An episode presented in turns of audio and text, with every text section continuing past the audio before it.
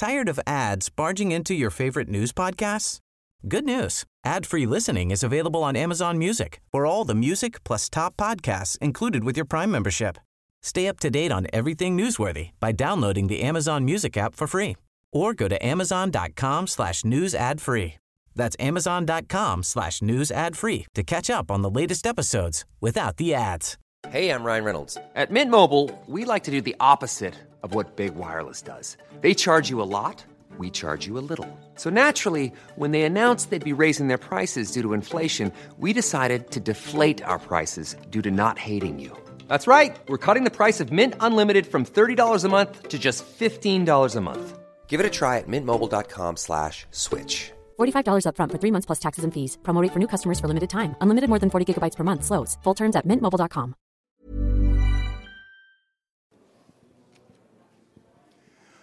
Generaler, admiraler, medlemmer og gjester. Varmt velkommen til eh, nok et mandagsmøte i eh, Oslo Militære Samfunn. Det er eh, vanskelig å ha tankene så mange andre steder enn i Ukraina for noen og hver om dagen. Så også i kveld. Men vi har et helt annet tema. Men de kommende to mandagene så vil Ukraina være tema i Militære Samfunn. Det starter allerede mandag førstkommende, hvor oberstløytnantene Palle Ytstebø og Geir Hågen Karlsen skal dele talertiden og eh, gi et foredrag med tittelen 'Den russisk-ukrainske krigen fase 3 2022'. Det blir spennende. Mandagen etterpå er tanken å sette Ukraina og Russland i et større historisk perspektiv. Eh, foredragsholder eh, er ikke endelig klar ennå, men det blir det som blir temaet. Håper å se dere da også. Nå merket vi oss det finansministeren og for så vidt statsministeren sa på intervjuene i dag. Dette med å bruke pengene klokt og det å få mest mulig ut av de pengene som Norge skal bruke nå. Mer penger på forsvar og på andre, andre formål. Og eh, en mer tidsmessig oppspill kunne du vel ikke fått, eh, Janet, til det du skal snakke om eh, her i kveld. For temaet i aften er jo Forsvarets forskningsinstitutt sin forskning på totalforsvaret et svar på grenseløse trusler. Og det er jo akkurat dette, å bruke alt vi har av ressurser, på så smart og klok måte som mulig, som er det vi må satse på fremover. Og det er omtrent det jeg skal ta av taletiden din. Forskningsdirektør Janet Bletney fra Forsvarets forskningsinstitutt, talestolen er din. Ja, tusen takk, alle sammen. Og tusen takk for invitasjonen, ikke minst. Det er hyggelig å være her igjen. Eh, jeg har eh, vært her før, for en del år tilbake. Så vil jeg også takke for at dere har tatt dere tid til å komme hit i dag, og ikke minst delta i den debatten om eh, totalforsvar. Jeg har tenkt å snakke litt om hva vi på FFI mener og ser på totalforsvarets betydning og de utfordringene vi ser totalforsvaret har i dag. Og ikke minst å foreslå noen anbefalinger for hvordan vi skal styrke totalforsvaret. Og når jeg forberedte meg til dette foredraget her i dag, så begynte jeg å tenke litt tilbake, og så fant jeg ut at jeg faktisk jobbet med disse problemstillingene i snart to tiår. Og så tenkte jeg å hjelpe meg, tiden har virkelig gått fort. For jeg husker første dagen på FFI som om det skulle være i går. Men jeg skal begynne med å si litt om hva totalforsvaret er. Hvorfor det er viktig. Så vil jeg gå litt gjennom trusselbildet mot Norge. Og så kommer jeg til å snakke litt om noen konkrete trusler og utfordringer. Og så kommer jeg spesielt til å snakke om teknologi og hvordan vår forskning på FFI kan bidra til å utvikle kunnskap og løsninger ikke bare for Forsvaret, men også for totalforsvaret. Skal jeg si litt om hvordan det står til med totalforsvaret i dag, og hva vi mener skal til for å styrke det videre. Totalforsvaret, som sikkert mange av dere er veldig godt kjent med, det handler om at vi som nasjon skal være i stand til å bruke alle samfunnets ressurser for å forsvare landet. Og I samfunnssikkerhetsmeldingen og Forsvarets langtidsplan så defineres det som følgende sitat. Totalforsvarskonseptet omfatter gjensidig sivil militær støtte og samarbeid i hele krisespekteret og handler om en best mulig utnyttelse av tilgjengelige, men begrensede ressurser. Sitat slutt. Totalforsvaret ble jo utviklet i perioden etter den andre verdenskrig i erkjennelsen av at forsvaret av Norge må bygge på både et militært forsvar og en bred sivil beredskap, som skal virke sammen. Et genialt konsept, og ikke minst for et lite land som, som vårt land, og veldig bra samfunnsøkonomisk. Men under den kalde krigen var jo totalforsvaret en avgjørende og stor del av den nasjonale beredskapen. Men etter Berlinmurens fall og Sovjetunionens oppløsning så ble det i stor grad skjøvet til side. Erstattet av den optimismen og troen på at krig i Europa ville være veldig lite sannsynlig. Men sånn er det ikke i dag. Og Behovet da for en robust totalforsvarsevne er jo tilbake med full tyngde. Mens både det trusselbildet og samfunnet har gjennomgått en rivende utvikling de siste 30 årene, spesielt drevet av teknologi, så har totalforsvaret ikke hengt med. Så jeg vil i hvert fall prøve å åpne Der, ja, takk. Jeg vil gjerne åpne med følgende. Flere av virksomhetene og etatene i dagens totalforsvar er gode hver for seg, og noen er gode sammen. Øvelser som Trident Juncture i 2018 viste oss det og ga oss læring. Og Koronapandemien har vist at totalforsvarskonseptet er relevant også for håndtering av slike kriser. Og den ga oss også viktig læring. Men selv om pandemien var vurdert som den mest sannsynlige krisen som ville ramme Norge, så var ikke myndighetene forberedt. Og én konklusjon fra koronakommisjonen var følgende sitat, Regjeringen har i beredskapsarbeidet ikke tatt hensyn til hvordan risiko i én sektor avhenger av risikoen i andre sektorer. For det er nettopp sånn at Samfunnet består av et komplekst sett med funksjoner og ansvarsområder som er avhengig av hverandre for å virke. Og det gjør at én krise ikke bare berører én sektor, men mange. Så som system er dagens totalforsvar ikke godt nok i dagens situasjon.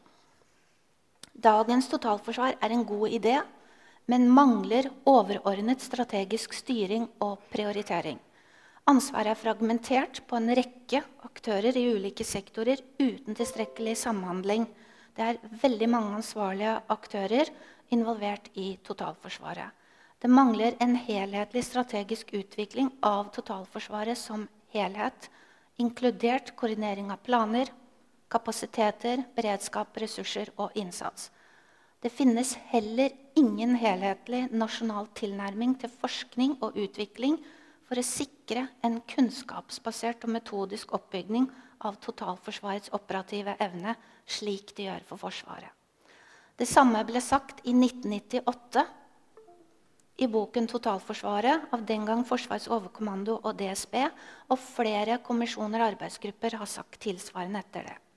Så mitt budskap Totalforsvaret må utvikles i takt med samfunnet, trusselbildet og den teknologiske utviklingen. Og det må gjøres med utgangspunkt i kunnskap. Kunnskap som omsettes til løsninger med en strategisk retning. Det er mange historiske, geografiske og politiske forskjeller mellom Ukraina og Norge.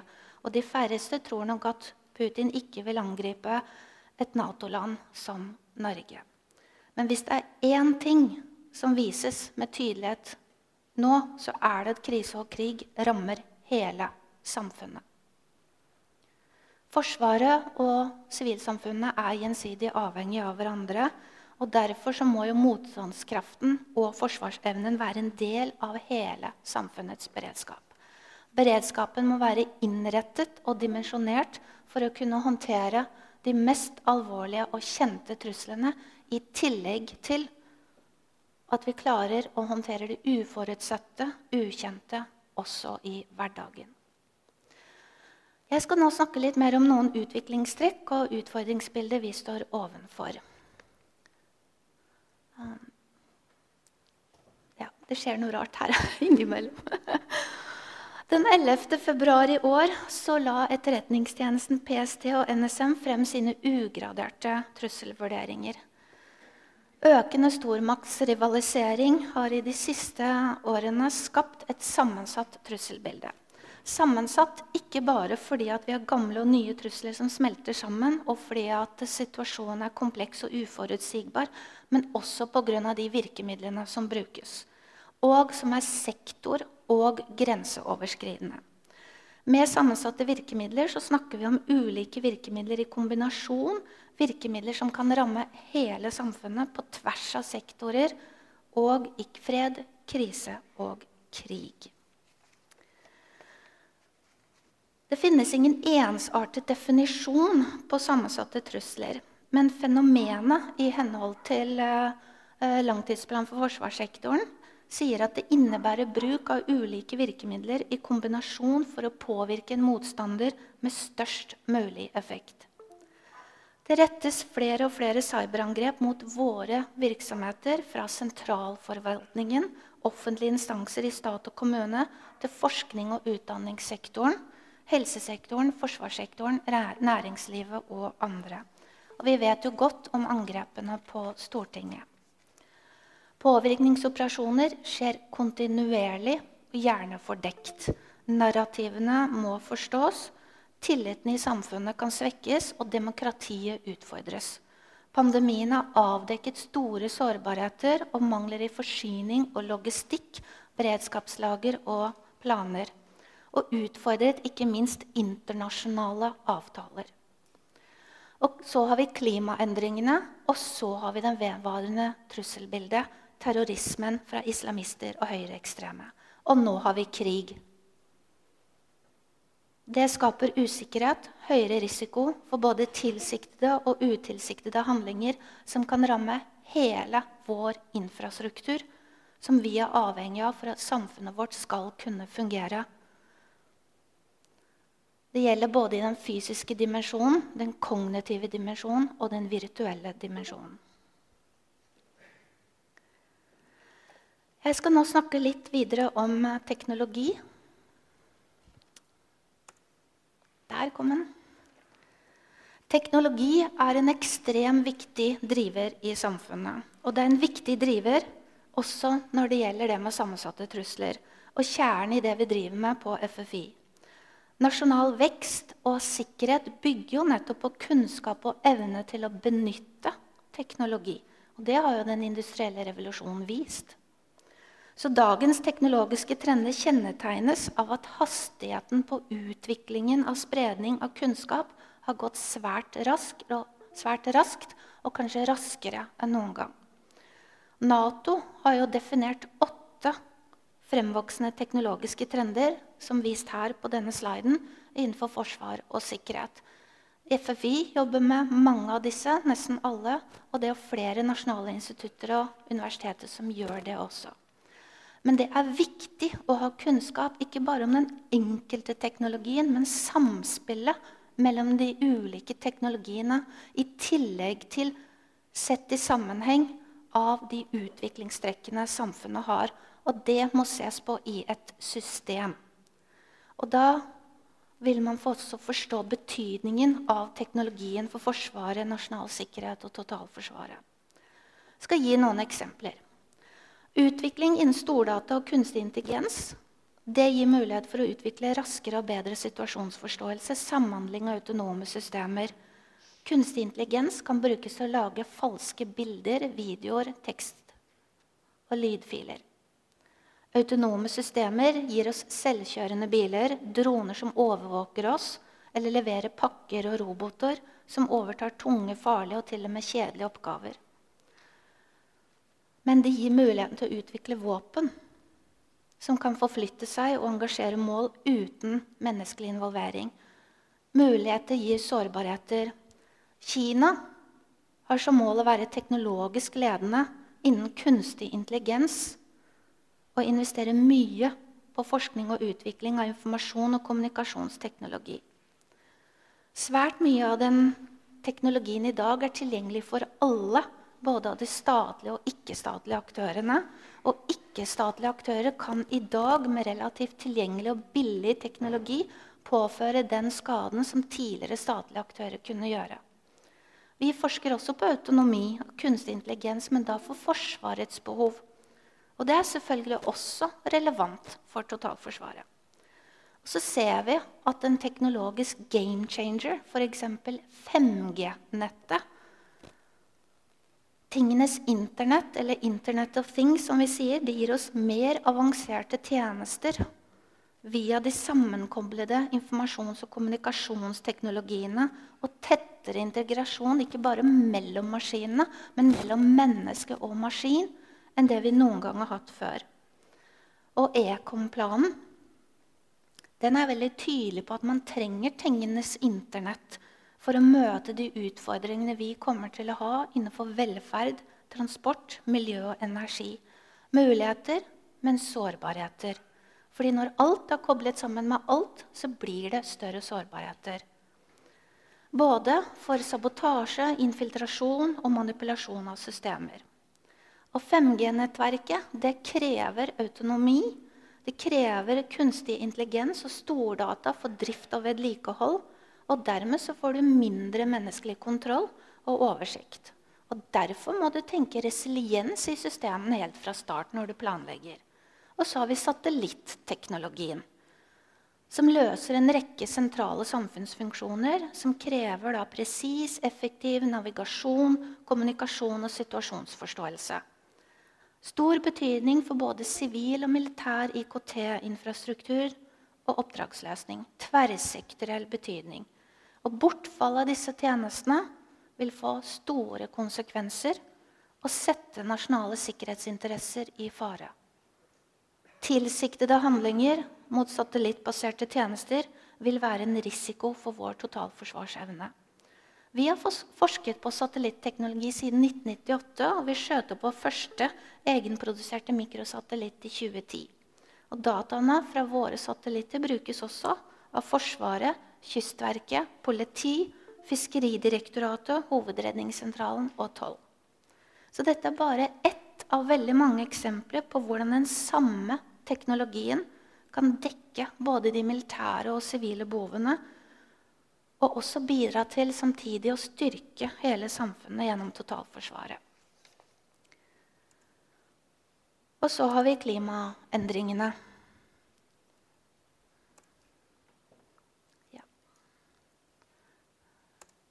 Der kom den. Klimaendringene de medfører utfordringer tilknytta ekstremvær, matvaresikkerhet, stormaktsrivalisering, kamp om ressurser, migrasjon og uro og konflikter. Og et varmere Arktis. Og det betyr mer transport, kanskje til og med flere nukleærdrevne fartøyer og press på norske ressurser. Og mer transport betyr mer risiko for ulykker og økt behov for beredskap og krisehåndtering til havs. Og hvis vi i Norge skal oppfylle regjeringens klimamål, så er vi nødt til å tenke gode klimatilpasninger, smarte løsninger, ikke bare hos de sivile, men også militært. Og Forsvarssektorens langtidsplan har jo satt bærekraft på dagsorden. Og det utarbeides for tiden en klima- og miljøstrategi for sektoren. FFI støtter sektoren med kunnskap for å kunne bidra til å oppfylle bærekraftsmålene, men klima er bare ett av de 17 bærekraftsmålene. Vi jobber med å redusere miljøavtrykk for Forsvaret. Det har vi gjort siden 90-tallet. Og vi utgir årlige rapporter på Forsvarets utslipp som grunnlag for klimatiltak. Men klimatiltakene må ikke svekke Forsvarets operative evne. Helst bidra også til operative fordeler. Og Det har vi også vist er mulig gjennom en av våre studier som vi hadde i fjor. I klimaplanen så står det, det at for å nå disse målene så må vi ha en elektrifisering av samfunnet. Og Samfunnet har jo nå fokus på det grønne skiftet. Og Det betyr innføring av fornybare energikilder, digitalt automatisert energisamfunn. Det kommer til å påvirke Forsvaret og samfunnet og totalforsvarsevnen. Elektrifisering og smartsamfunnet gir sårbarheter i det digitale domenet. Elektrifisering påvirker transportevnen. Og digitalisering gjør at eh, transportsektoren blir mer avhengig av kritiske samfunnsfunksjoner som IKT, ekom, satellittbaserte tjenester og kraftforsyning. Og så har vi tilgjengelighet og forsyning av fossilt drivstoff til Forsvaret, politi og brann og andre. Det kommer også til å bli påvirket. Så med andre ord, Det betyr at vi må ha en forståelse, vi må ha kunnskap om hvordan de samfunnsmessige, de miljømessige og markedsmessige forhold kommer til å påvirke våre energi- og transportsystemer, i tillegg til en forståelse av sikkerheten i disse systemene i et totalforsvarsperspektiv. Og I tillegg så har vi kriminalitet. Det er ikke noe vi nødvendigvis tenker på med hensyn på sammensatte trusler. Men i dagens bilde så er det faktisk det. Vi har akkurat utført en studie på vegne av Justis- og beredskapsdepartementet som kunnskapsgrunnlag for en mulig langtidsplan for politi, PST og påtalemyndighet. Og Her så vi nettopp på hvordan teknologiutviklingen kommer til å påvirke fremtidens kriminalitet. De kriminelle er raske til å ta i bruk teknologi. Omfanget av kriminaliteten i det digitale rom har økt. Og det er viktig å ha kunnskap om denne kriminalitetsutviklingen, for det kommer til å påvirke ikke bare hele samfunnet, men totalforsvarsevnen. Og så har vi CBRNE. Og CBRNE det er det som vi tidligere kalte for eh, masseødeleggelsesmidler.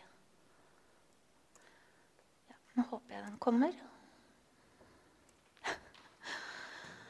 Men CBRNE, for de av dere som ikke kjenner den betegnelsen, så er det en fellesbetegnelse for kjemiske stoffer, biologiske agens, radioaktive stoffer, nukleært materiale og eksplosiv med høyt farepotensial. Takk. Det er faktisk en del av det sammensatte trusselbildet og er i sin natur sektorovergripende. Og disse stoffene trenger ikke nødvendigvis å skape store masseødeleggelser men kan skape mindre skade, men også påføre store samfunnsmessige og økonomiske konsekvenser. Og vi har sett mange eksempler på bruk av disse midlene eh, de siste årene. Vi har i Syriakrigen. Vi har direkte bruk mot enkelte personer, altså attentater. Det er VX nervegass i Malaysia i 2017. Vi har bruk av nervegift mot en tidligere avgåtte spion Skripal i Storbritannia i 2018 og opposisjonspolitikeren Navalny i 2020. Og så har vi nå Russlands angrep ved og mot kjernekraftverket i Ukraina og Putins beskjed om at han setter sine kjernevåpen i økt beredskap. Det skaper utrygghet. Vi forsker også på kjernevåpenteknologi og nedrustning og ikkespredningsproblematikk. Men trusselen fra disse midlene det øker i takt med teknologiutviklingen og i takt med den sikkerhetspolitiske usikkerheten. Samtidig så må vi se på den teknologiske utviklingen innenfor bioteknologi og syntetisk biologi. Dette kan gi oss bedre medisiner og behandlingsformer, men samtidig kan det bidra til å skape nye smittestoffer og giftstoffer. Og kunnskapen om utvikling av nye gift, giftige stoffer er mer tilgjengelig enn noen gang. Samtidig kan teknologien bidra til å lage nye leveringsmidler for å spre disse stoffene tilsiktet på en måte vi ikke kunne drømme om. Og så har vi at respekten for å følge internasjonale konvensjoner mot bruk av disse midlene er blitt redusert. Og terskelen for bruk er blitt lavere. Og så har vi bruk av disse digitale plattformene som sosiale medier, som kan bidra til å true om bruk av disse midlene og bidra til å skape frykt. Og det er blitt vist under koronapandemien. Og dette igjen legger grunnlag for betydning av hvilke scenarioer totalforsvaret må være forberedt på å håndtere. Vi forsker derfor også på disse truslene og beredskap. Vi har akkurat ferdigstilt en stor Nato-studie som ser på disse truslene frem mot 2030. Vi har en nasjonal beredskapsfunksjon. Vi har landets eneste laboratorium som er i stand til å ta imot og analysere prøver med innholdet av disse stoffene når det er behov for det. Og den ekspertisen vi har opparbeida innenfor dette området her over mange år for Forsvaret, bidro til at vi støttet helsemyndighetene under koronapandemien med analyser av virusspredning og kvalitetssikring av smittevernutstyr. Fordi det viste seg at nasjonal beredskap som sikrer kontinuerlig tilgang til nødvendig kunnskap og viktige testkapasiteter, var helt essensielt for å ha et velfungerende totalforsvar.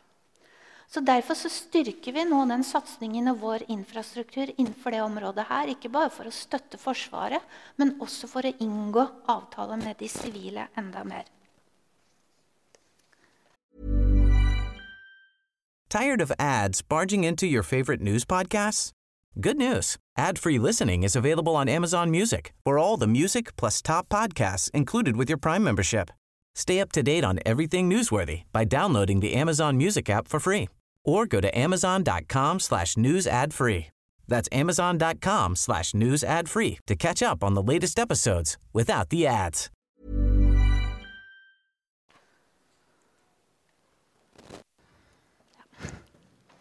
Og et annet sammensatt virkemiddel er påvirkning. Påvirkningsoperasjoner. Påvirkningsoperasjoner som har til hensikt å påvirke vår virkelighetsoppfattelse, holdninger og handlinger. De kan ha som mål å legitimere ulovlige handlinger, svekke tilliten i vårt demokratiske samfunn, øke polarisering eller påvirke valg.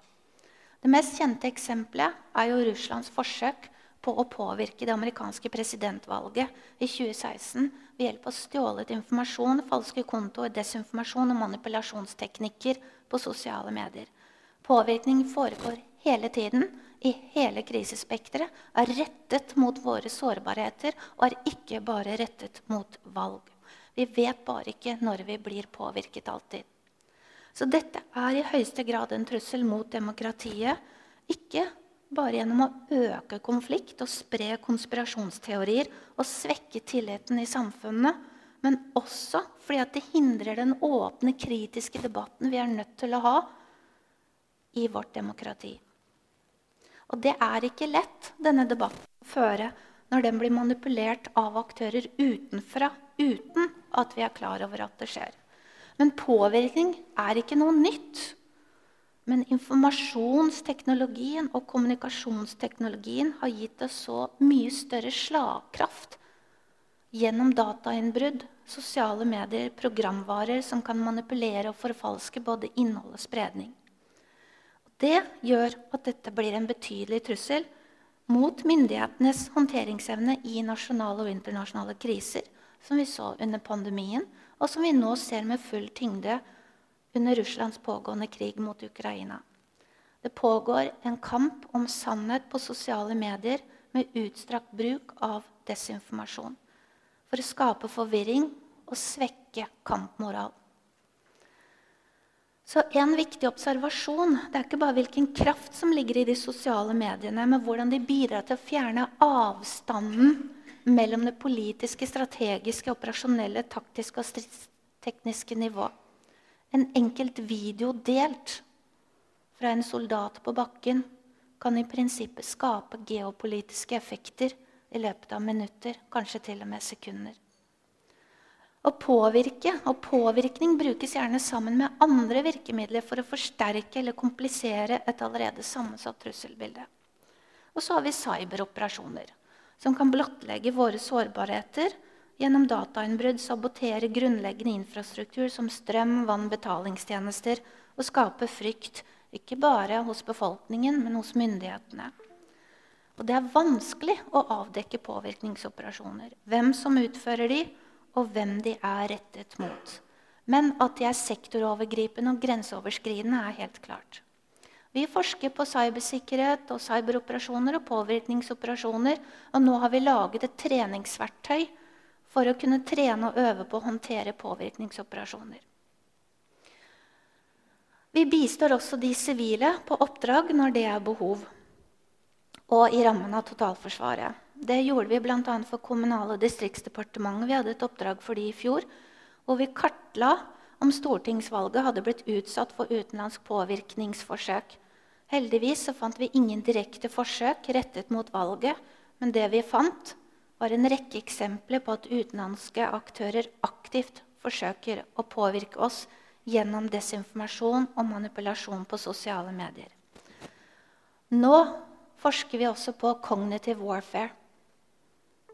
Kognitiv krigføring. For å kunne beskytte oss mot disse effektene. Og Det igjen er fordi at den teknologiske utviklingen har gjort at informasjon nås raskere ut og treffer et mye bredere publikum enn tidligere. Både de militære og sivile. Og dette er en utfordring som totalforsvaret må kunne håndtere. Nato er opptatt av dette. Flere vestlige land, EU og Nato, har jo etablert også sentraliserte funksjoner for å analysere påvirkning mot hele samfunnet og for å kunne gi råd til myndighetene. Og som kanskje flere av dere kjenner, så har jo Sverige etablert en ny myndighet om å styrke det psykologiske forsvaret som et ledd i å videreutvikle sitt totalforsvar. Og Finland har etablert en overordna nasjonal sikkerhetsstrategi. Og så må vi ikke glemme terrortrusselen. Etterretningstjenesten og PST har jo redegjort for denne trusselen fra høyreekstreme grupper og personer med ekstrem islamistisk overbevisning. Men denne trusselen har kanskje havnet litt i bakgrunnen pga. mange andre trusler. Men vi har forsket på internasjonal terror, terrorisme siden 1999. Og det har vi gjort for å følge med på denne terrortrusselen, som er av betydning for Forsvaret, for Forsvarets internasjonale operasjoner og for nasjonal politikkutforming. Og igjen, pga. den teknologiske utviklingen og tilgjengeligheten så ser vi at disse terrorgruppene er i stand til å bruke mange av de samme virkemidlene som andre statlige aktører. Om det er cyberoperasjoner eller disse CBRN-midler eller helt til enkle stikkvåpen. Så selv om det har vært en nedgang i denne form for terrortrussel, så er den vedvarende. Og Nedgangen skyldes jo god etterretning og strengere kontraterrortiltak, og fordi at mange har havnet i fengsel. Så det finnes jo ingen oversikt over hva som kan inngå i sammensatte virkemidler. Så vi må tenke på at det er innenfor fantasiens begrensninger og eh, teknologiens begrensninger. I tillegg til det jeg nevnte, så har vi økonomiske virkemidler, sanksjoner eller insentiver eller strategiske oppkjøp. På samme måte som teknologi så kan de fleste økonomiske og politiske virkemidlene som brukes for å skape verdier, også brukes til det motsatte. Og sanksjoner mot Russland har jo vist det. Derfor forsker vi også på russiske militære maktmidler og økonomiske virkemidler. Og summen er ganske sammensatt, sektoroverskridende og grenseoverskridende. Så hvordan skal vi møte dette her? For disse utfordringene og utviklingstrekkene blir jo ikke borte. I tillegg så har vi Ukraina-krigen. Og en av grunnene er at dagens kart ikke lenger passer så godt med terrenget. Statens organisering, ansvarsområder og vårt lovverk tar utgangspunkt i et skille mellom statssikkerhet, nasjonal sikkerhet og samfunnssikkerhet. Men dette er jo irrelevant i møte med de sammensatte truslene. Det samme blir jo skillet mellom de ulike sektorene som vi har delt statsforvaltningen i. Regjeringen har jo det øverste ansvaret for den nasjonale beredskapen. Det er veldig mange nasjonale aktører som er involvert innenfor totalforsvaret. På myndighetsnivå, regionalt, lokalt frivillige organisasjoner og private. Det er omtrent 30 samarbeids- og beredskapsorganer innenfor totalforsvaret.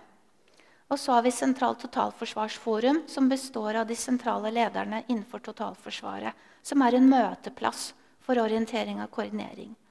Ansvar, oppgaver og ressurser i sivil beredskap er splittet mellom mange. Vi har fått på plass tverrsektorielle krisescenarioer 14 tverrsektorielle kritiske samfunnsfunksjoner. Og i tillegg så blir det sagt nå at våre viktigste nasjonale verdier må kartlegges. Det er identifisert 42 grunnleggende nasjonale funksjoner. Og dette viser jo en enorm kompleksitet. Det er veldig viktig å forstå hvordan disse funksjonene virker inn på hverandre. Sårbarhetene i de enkelte systemene og sammen i et system fordi alt henger sammen med alt. Og hendelser som tilsynelatende er rettet mot samfunnssikkerhetsmål, kan jo være rettet mot uh, å ramme statssikkerheten og våre nasjonale sikkerhetsinteresser. Så skillet mellom samfunnssikkerhet og statssikkerhet er visket ut. Og et angrep mot én sektor kan altså målet skape effekt i en annen. Eller på tilliten i samfunnet, som ikke ligger i én sektor. Et annet eksempel på at vårt kart ikke lenger stemmer med terrenget, er den lineære trappetrinnsmodellen vi bruker for å definere overgangen mellom fred, krise og krig. Den baserer seg kanskje på noen prinsipper som ikke lenger er like gyldige. Så de sammensatte virkemidlene kan påføre stor skade under terskelen for en krise, for krig. Og uten den tverrsektorielle situasjonsforståelsen så er det ikke sikkert at vi skjønner at vi er en gang på vei inn i en krise når vi egentlig er det. Fordi denne eskaleringen skjer ikke samlet og gradvis, men fragmentert og dynamisk. Så kompleksiteten krever at de militære og de sivile samarbeider mye tettere nå enn før. Så beredskapen må bygges på kunnskap. Og helst er den kunnskapen bygget opp før krisen skjer. Vi vet ikke når krisene kommer, eller hvilke sektorer krisene kommer til å ramme. Vi vet bare at neste krise ikke blir lik den forrige. Og vi vet at vi må kunne håndtere overraskelser, sjokk, krevende situasjoner og usikkerhet. Og det er ikke engang sikkert at ressursene i den enkelte sektor er tilgjengelig når krisen er der. Så flere kriser kan oppstå samtidig og kreve støtte fra de samme beredskapsaktørene. og Derfor må vi forberede oss og planlegge. I tillegg må vi ha god balanse mellom det Forsvaret skal stille med, og hva de sivile skal stille med. Vi må avklare forventninger og prioriteringer, og vi må forstå risikoer. Og avklare hvilke risikoer og hvor store risikoene er, og hva vi er villige til å akseptere av risiko. Og oppå der igjen så ønsker vi kostnadseffektive løsninger. Vi vet at beredskap er dyrt, og vi må veie det opp mot andre behov. Men beredskap er en investering for fremtiden. Og ikke minst det bygger befolkningens tillit til myndighetene. Så dette vil kreve en mye større grad av felles beredskapsplanlegging mellom de ulike ansvarlige myndighetene og sektoren enn tidligere. Og det vil kreve en større grad av samordning på tvers av sektorer. Det krever kunnskap om hvordan vi skal planlegge, og hva vi skal planlegge for.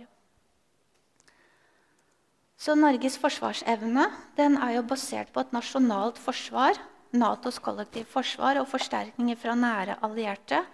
Og det skal i tillegg understøttes av et moderne totalforsvar og et robust totalforsvar. Og det er jo disse evnene sammen som gjør at vi er i stand til å bidra til å avskrekke angrep på norsk suverenitet og vårt demokratiske styresett og handlefrihet. Forsvaret skal jo først og fremst sikre landet mot militære trusler utenfra. Og For å gjøre det så samarbeider jo Forsvaret med offentlige og private sivile virksomheter i flere områder. Og Forsvaret skal gi støtte til de sivile myndighetene når dette trengs, og når det ikke går på bekostning av Forsvarets egen oppgaveløsning. Og Forsvarets bistand skjer jo etter anmodning når de sivile myndighetene som har ansvaret for å ivareta samfunnssikkerheten, ikke har tilstrekkelige ressurser til å håndtere situasjonen selv.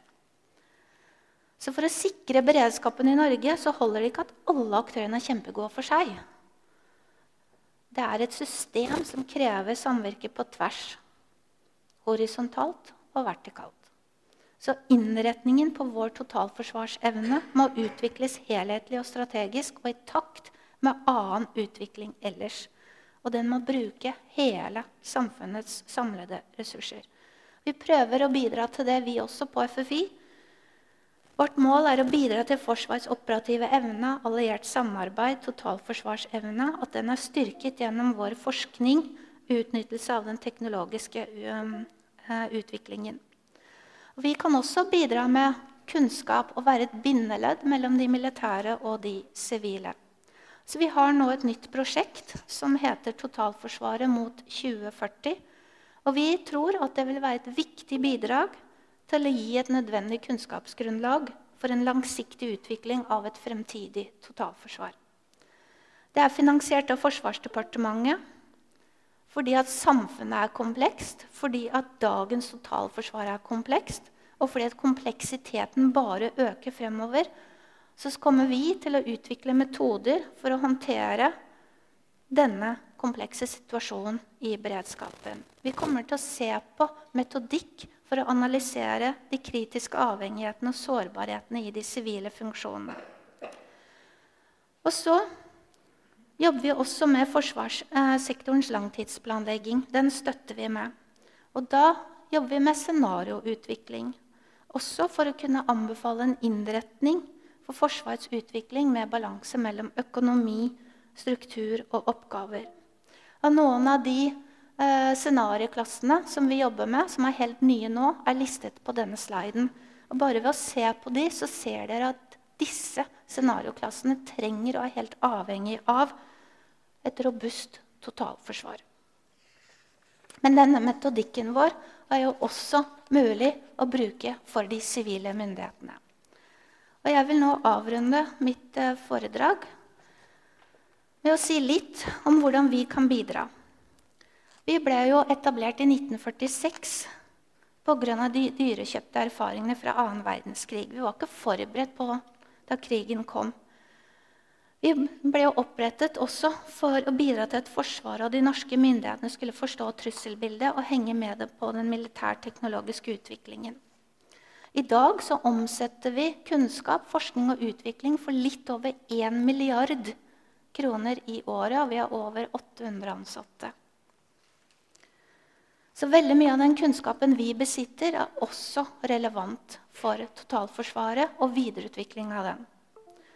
Vårt vedtektsfestede mål er vist på denne sliden her, og som jeg nevnte tidligere. Denne ordlyden har variert gjennom årene, men vi har jobbet faktisk med sivil beredskap siden 90-tallet. Og det har stort sett vært igjennom det som vi har kalt for beskyttelse av samfunnet. Vi har sett på sivil beredskap på mange områder. Men nå, siden midten av 2000-tallet, så har vi sett mer på sivilt militært beredskap og samarbeid og krisehåndtering. Og vi styrker nå denne satsingen nettopp gjennom dette totalforsvarsprosjektet vi har mot 2040. Tidligere kommisjoner og arbeidsgruppen har vist behovet for å styrke den tverrsektorielle samordningen og kunnskapsbaserte støtten for å utvikle nasjonal beredskap og samfunnssikkerhet. Men det er ikke alle sektorer som forsvarssektoren som har tradisjon for å avsette midler til forskning og utvikling. Så vi mener at for å utvikle totalforsvarsevnen så må man bygge på det veldig gode arbeidet som er gjort. Men man må samtidig utvikle det slik at det ikke hindrer annen samfunnsutvikling, f.eks. offentlige tjenester eller innovasjon eller ny eh, næringsvekst. Gode strategier og planer er ikke tilstrekkelig hvis ikke ressursene, innsatsen og finansieringen følger med. Og min siste slide. Vi mener totalforsvaret må utvikles i takt med samfunnsutviklingen. Myndighetene har behov for å løse tverrsektorielle problemstillinger som utfordrer den nasjonale sikkerheten i lys av dagens behov og fremtidens behov. Det mangler en helhetlig nasjonal tilnærming til å utvikle og omsette kunnskap som svarer ut dette behovet, og en langsiktighet. Akkurat som beredskap så er kunnskap en investering for fremtiden. Det er en investering for å skape vår sikkerhet. Sikkerhet for staten, samfunnet og befolkningen. Og hvis ønskelig så bidrar vi gjerne mer og i større grad av de sivile myndighetene for å styrke vår totalforsvarsevne, også for å styrke vår forsvarsevne hvis mekanismer legges til rette for det. Og kunnskap er også et ledd i å benytte alle samfunnets samlede ressurser for å utvikle en bedre totalforsvarsevne. Jeg vil til slutt si vi står i en meget alvorlig sikkerhetspolitisk situasjon. Det er flere år med økt stormakt, rivalisering, sammensatte virkemidler konvensjonell krig. Kina er en utfordring for vår nasjonale sikkerhet. Russland er en dimensjonerende aktør for vår forsvarsplanlegging. Skillelinjene mellom statssikkerhet og samfunnssikkerhet er nå visket ut. Vi må styrke vår forsvarsevne.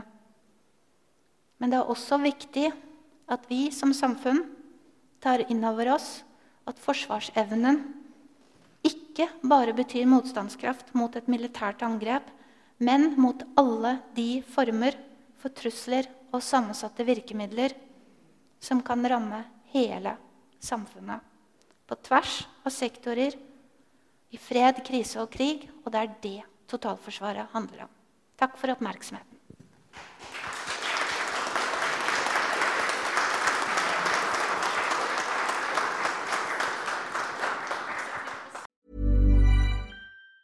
Tired of ads barging into your favorite news podcasts? Good news. Ad-free listening is available on Amazon Music for all the music plus top podcasts included with your Prime membership. Stay up to date on everything newsworthy by downloading the Amazon Music app for free or go to amazon.com slash news ad free. That's amazon.com slash news ad free to catch up on the latest episodes without the ads.